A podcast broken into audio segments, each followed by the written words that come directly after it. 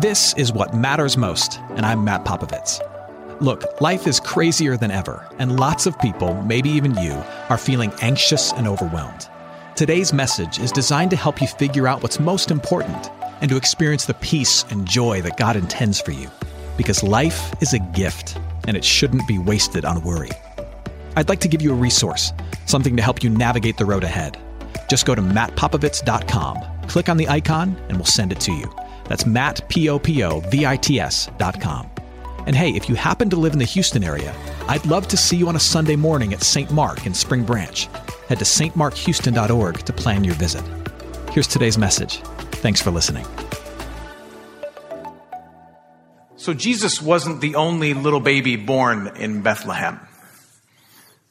Wasn't the only baby boy. Not by far. You know, history tells us that given the size of Bethlehem, its location, the era in which Jesus was born, that there were likely 15 to 20 other baby boys in Bethlehem between the ages of infant and two. And yet only one of those baby boys, Jesus, would ever see his third birthday. Not long after Jesus was born, in all likelihood, Mary and Joseph and the baby Jesus were still residing in Bethlehem. Mary was making friends with the other new moms, and Jesus was wailing at night with the other babies that didn't want to go to bed. And it was at that point that King Herod caught word of an obscure prophecy, a prediction that, that a future leader for Jerusalem, which, which he managed, was going to rise out of the city of Bethlehem. And so he sent an army to Bethlehem. In the middle of the night, Joseph's, uh, Jesus' adoptive dad, Joseph, was given a divine warning that trouble was coming, and so he grabbed his family and he got out. When the army arrived in Bethlehem, there was really no way of telling which baby boy, if any, was the so called prophesied savior of Jerusalem. And so the army did what armies under the order of crazy men tend to do. They killed all of them. They murdered every other baby boy born in Bethlehem. I have to imagine that eventually word of that got back to Mary. And, and I can't even imagine what she felt when she heard of this. But, but, but, I, but I can gather that when she did hear of it, certain things became clear to her. That the world her son came to save was much, much more evil than she had assumed. And that the peace he would bring would be hard fought. And I have to think that at that moment she wondered to herself, I wonder when the last baby in Bethlehem will die. And he would. And like his predecessors, he would die so that others could live. This morning, we are continuing a teaching series called Dwell, which is focused on the run up to Christmas. It's an Advent series. And the scripture for this morning, which, uh, which we read and I just kind of walked you through, is not a particularly joyful one, um, but it is an essential one because it paints the picture of the world that Jesus entered. Jesus was born not just as a cute little baby, but he entered a world of great brokenness, intense evil, and unbelievable hostility. And in entering this world, he put himself in the middle of our petty fights. He put himself in the middle of our evil. He put himself in the middle of our wars and our destruction. But he didn't just put himself in the middle of it. He put himself under it and subject to it and chased out of his home by it, where others would die for it as he escaped to freedom as an infant. Ultimately, what we know is that Jesus would place himself under the hostility and evil and brokenness of this world, and it would carry him to a cross, and it would kill him, but ultimately he would rise from the grave and show himself more powerful than all the evil and all the King Herods in this world. Which is why we celebrate Christmas. But in the process of putting himself in the middle of our hostility, he not only overcomes it as if that wasn't enough, but he shows the rest of us who are still in the middle of it a way through it and a means to dealing with it in much the same way that he did. And that's what we're going to talk about this morning. So if you have a Bible with you or uh, something that can access one on your smartphone or the interwebs, take that out and uh, just be ready to jump around a bit. We are going to we're, going to be in Romans, we're going to be in James, we're going to be in Matthew. So just kind of get your, your, your trigger finger ready on your Bible because we're going to hop around. Um, it is easy for us to, to point our fingers at, at the major issues of conflict and hostility in our world like the, like the big ones. It's easy for us to watch the news and say, yes, our world is broken, our world is screwed, up. To look at that and say, well, there's, there's wars over here, and there's, there, there's political battles over here, and there's, there's genocide happening over here, there's evil happening over here, there's hostility and conflict in our world, but it's all out there. It's easy to point the finger at that. But, but in reality, what, what followers of Jesus know is that all the evil that is happening in big ways and huge ways and horrific ways out there is really just an outgrowth of the evil that happens in small and tiny ways in here, in me. That there's not just conflict on the news, but there's conflict on the news because there's conflict too in my home and in my relationships. And what happens in my home ends up happening on larger scales in countries and on the news. So yes, there's wars everywhere and there's hostility, but there are also family members that I'm constantly going at it with and there's hostility there. And there's a friend in my life who I feel has always taken advantage of me and there's hostility there. There's a person in my past who, who harmed me or abused me, and what they did to me is still kind of haunting me, and there's hostility and there's conflict there. If you look around the landscape of your life in some way, shape, or form, in big ways or really tiny, annoying, and petty ways, there's always someone or something who's hostile with you, who's sideways with you. Whether it's the driver on the Long Island Expressway, or it's your uncle who did you wrong a long time ago. It's always somebody. Jesus was born into a world, and you were born into a world where conflict and hostility are constant. Uh, Paul wrote this in Romans chapter 3. It's the first place we're going to jump. Romans chapter 3. And, and he is, he is really kind of speaking on behalf of God and, and saying what it is that God sees when he looks down on human, humanity and he sees our hearts and he sees how we treat each other and ultimately how we treat him. And this is his description of us. Note that no one will ever put these words on a Christmas card. Romans 3 14 through 17. Their mouth, this is us, is full of curses and bitterness. Their feet are swift to shed blood. In their paths are ruin and misery, and the way of peace they have not known. Joy to the world.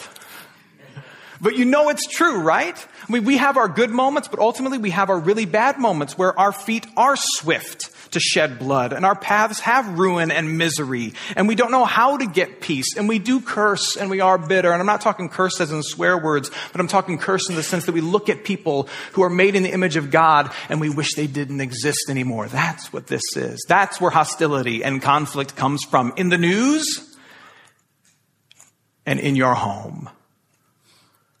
Uh, just a little bit of background about King Herod, who's a real person who really existed.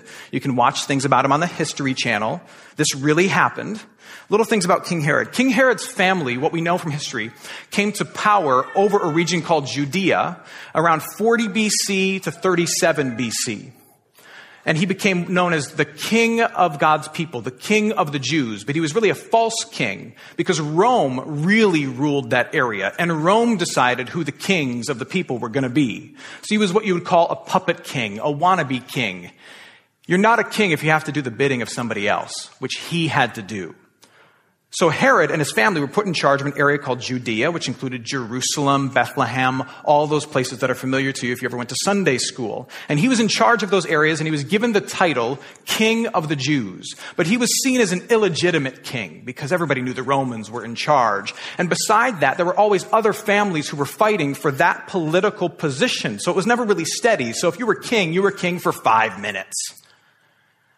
And so Herod became really, really focused on being seen as a legitimate king of God's people, a legitimate king of God's people, and holding on to that throne. And his desire to hold on to that throne drove him to do insane things. Early on in his reign, he had his 18 year old brother in law drowned in a pool. Shortly thereafter, he executed his mother in law. When his wife got mad, he murdered her. Over the course of his reign, he had three of his sons killed. In 7 BC, we know that he rounded up 300 of his military leaders and executed them all. And one of his final acts was in 4 BC when he attacked the babies in Bethlehem, thinking he was wiping out the potential savior of the world, ruler of Jerusalem. And why did he do this? Well, one, because he's crazy.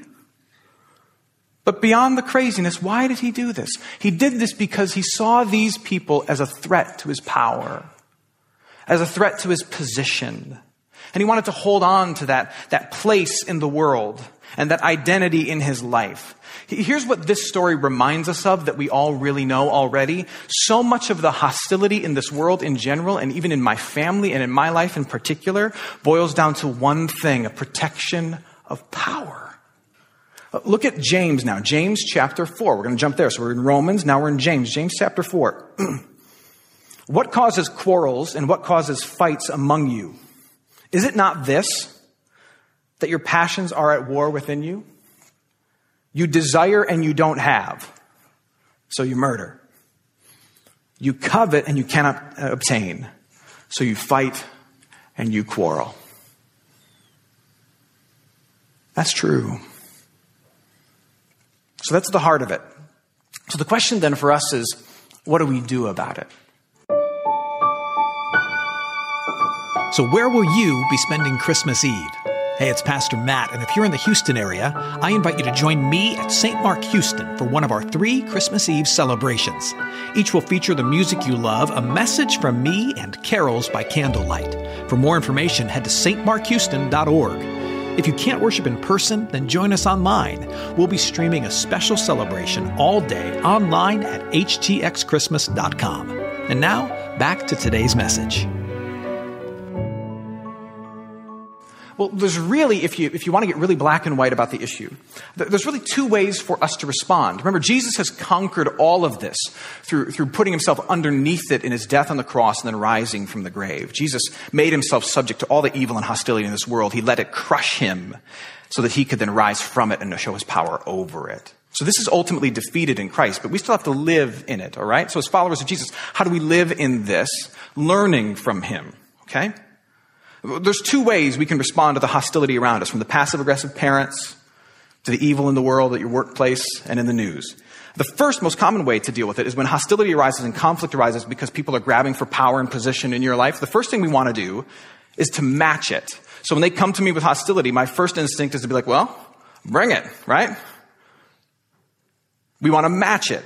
You attack me, I attack you right back. That's how the world works. And sometimes, sometimes that's justified, but that's not the way of Jesus. That's not the way of Jesus. Jesus introduces a whole different way to operate. Remember, one of the things Jesus talked about was that he's ushering in a new kingdom. And he's not talking about bricks and mortar. He, he's talking about a, a new type of activity, a new way in which the world is working. God works in a different way. God is reigning and ruling through a different style of living. He's reigning and ruling by forgiving sins and drawing people close to him. And in this kingdom, this way of reigning and ruling, there's a different set of rules. Jesus operates according to a different kingdom. And so when he enters the hostility and the conflict, you see him doing different things. And as people who are baptized into that kingdom, we then say, okay, how do, how do I do the things of Jesus and live according to his reign and his rule in the face of hostility? So here's Jesus' way. Jesus doesn't match hostility for hostility. Jesus offers to the world humble obedience to God in order to disarm hostility. What you see Jesus do is say, You're messed up. This is broken. I want nothing to do with this. I got bigger fish to fry. I'm obedient to the Father, and I'm going to focus on that. And he moved on. And moving on is a humble thing to do. He chose humble obedience to the Father rather than empty battles for power. And you even see a hint of this in the story we read in how Joseph responds to the fact that there's an attack coming from Herod. Joseph is acting on behalf of Jesus, and here's what happens. Three times in the story, the angel of the Lord appears to Joseph and says, Okay, here's what the will of the Father is. Here's what the will of the Father is. And it's never convenient for Joseph, Mary, and baby Jesus. It's never convenient. Here's what the will of the Lord is.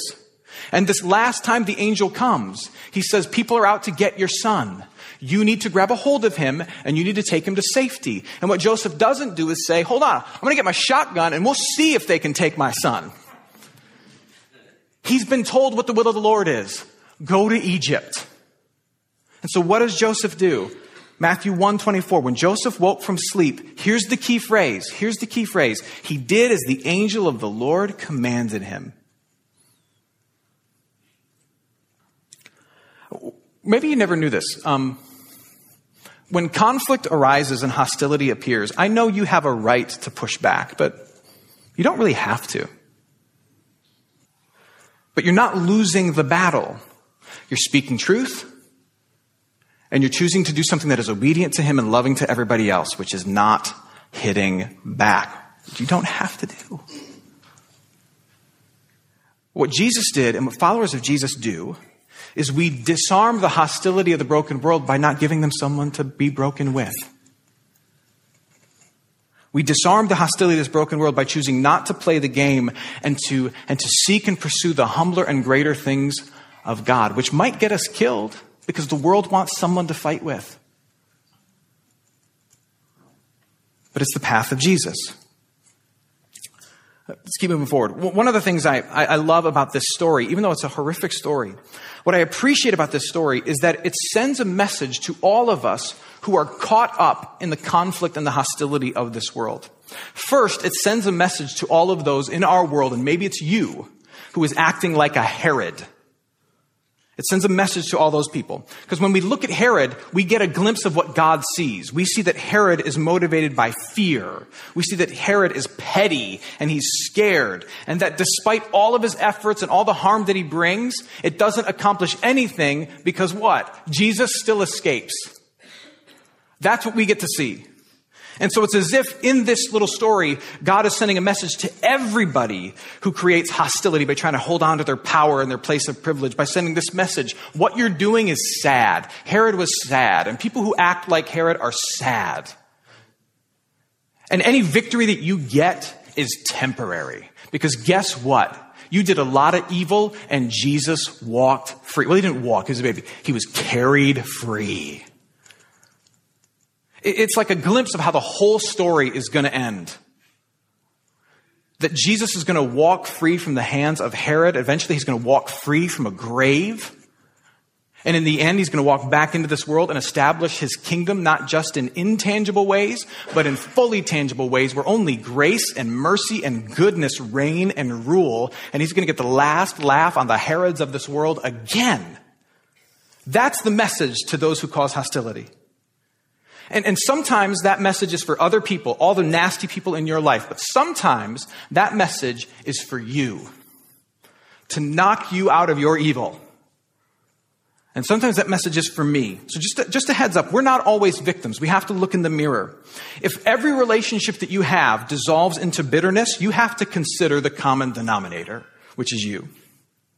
If every circle you join becomes a place of gossip or riddled with negativity, it might be you.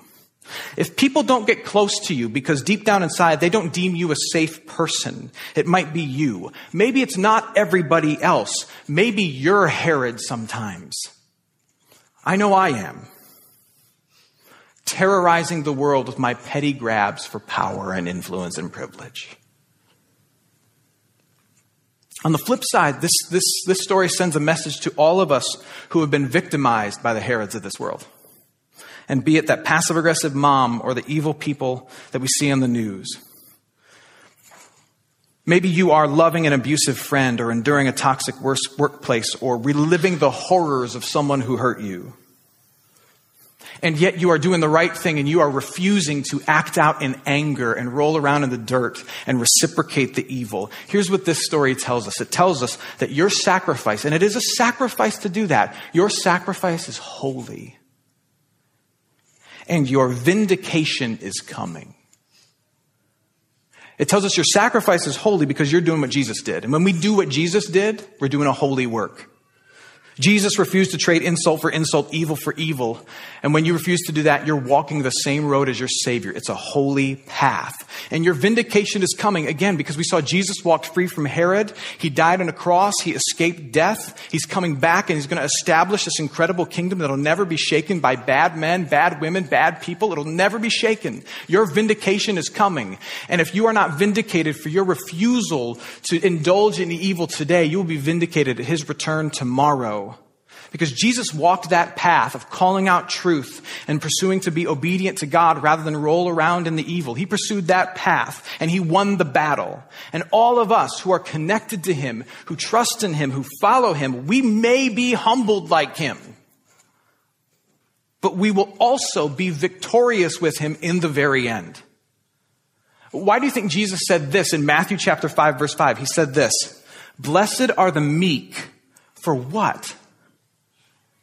They shall inherit the earth. The Herods don't win. They may have temporary victories now. They may get to stand on the hill for the moment. But those who pursue the humbler things of God, they inherit the planet at the end. And which would you rather have? When you belong to Christ, though you're at the bottom of the hill in this kingdom, you will own that hill in His.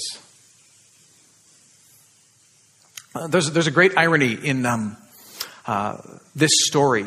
Uh, the Gospel of Matthew begins with a reference to the King of the Jews, and it ends with a reference to the King of the Jews.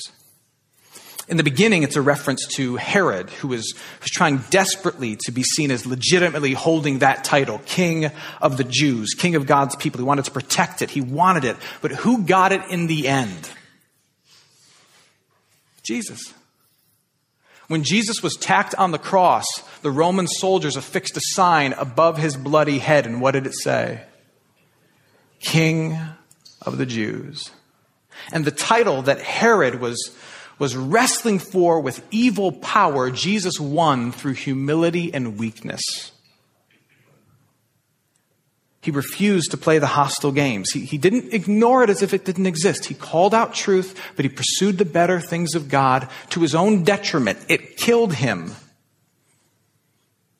But God used his death to cover over your brokenness and mine and to pay for humanity's evils. And then he rose from the grave to show just who the, real, the world's real king is. That's the way of Jesus. And the way of Jesus is never pretty or popular, but it wins. And when we are with Him, connected in our baptism and following Him, humble and weak like Him, we win too. Where's the hostility in your world?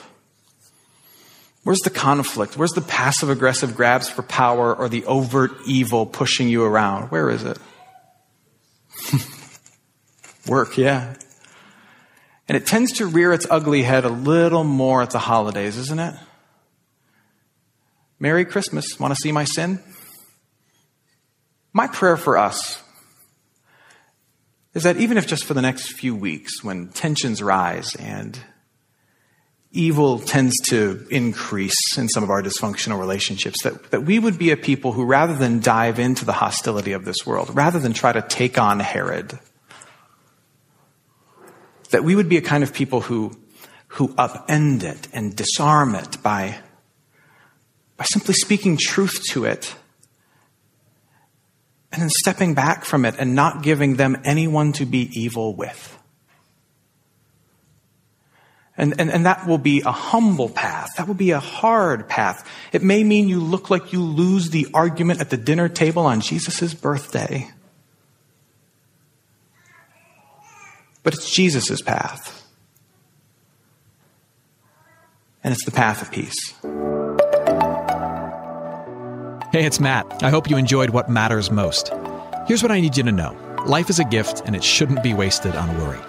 I want to help you figure out what's most important and to experience the peace and joy that God intends for you. So, for more content, you can head to mattpopovits.com. That's Matt, P O P O V I T S.com.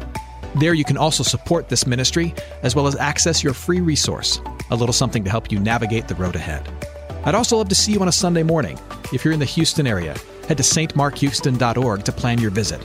In the meantime, hit me up on Instagram at mpopovits or at facebook.com slash Matt Popovits Ministries. Thanks for listening. Now go and hold tight to what matters most.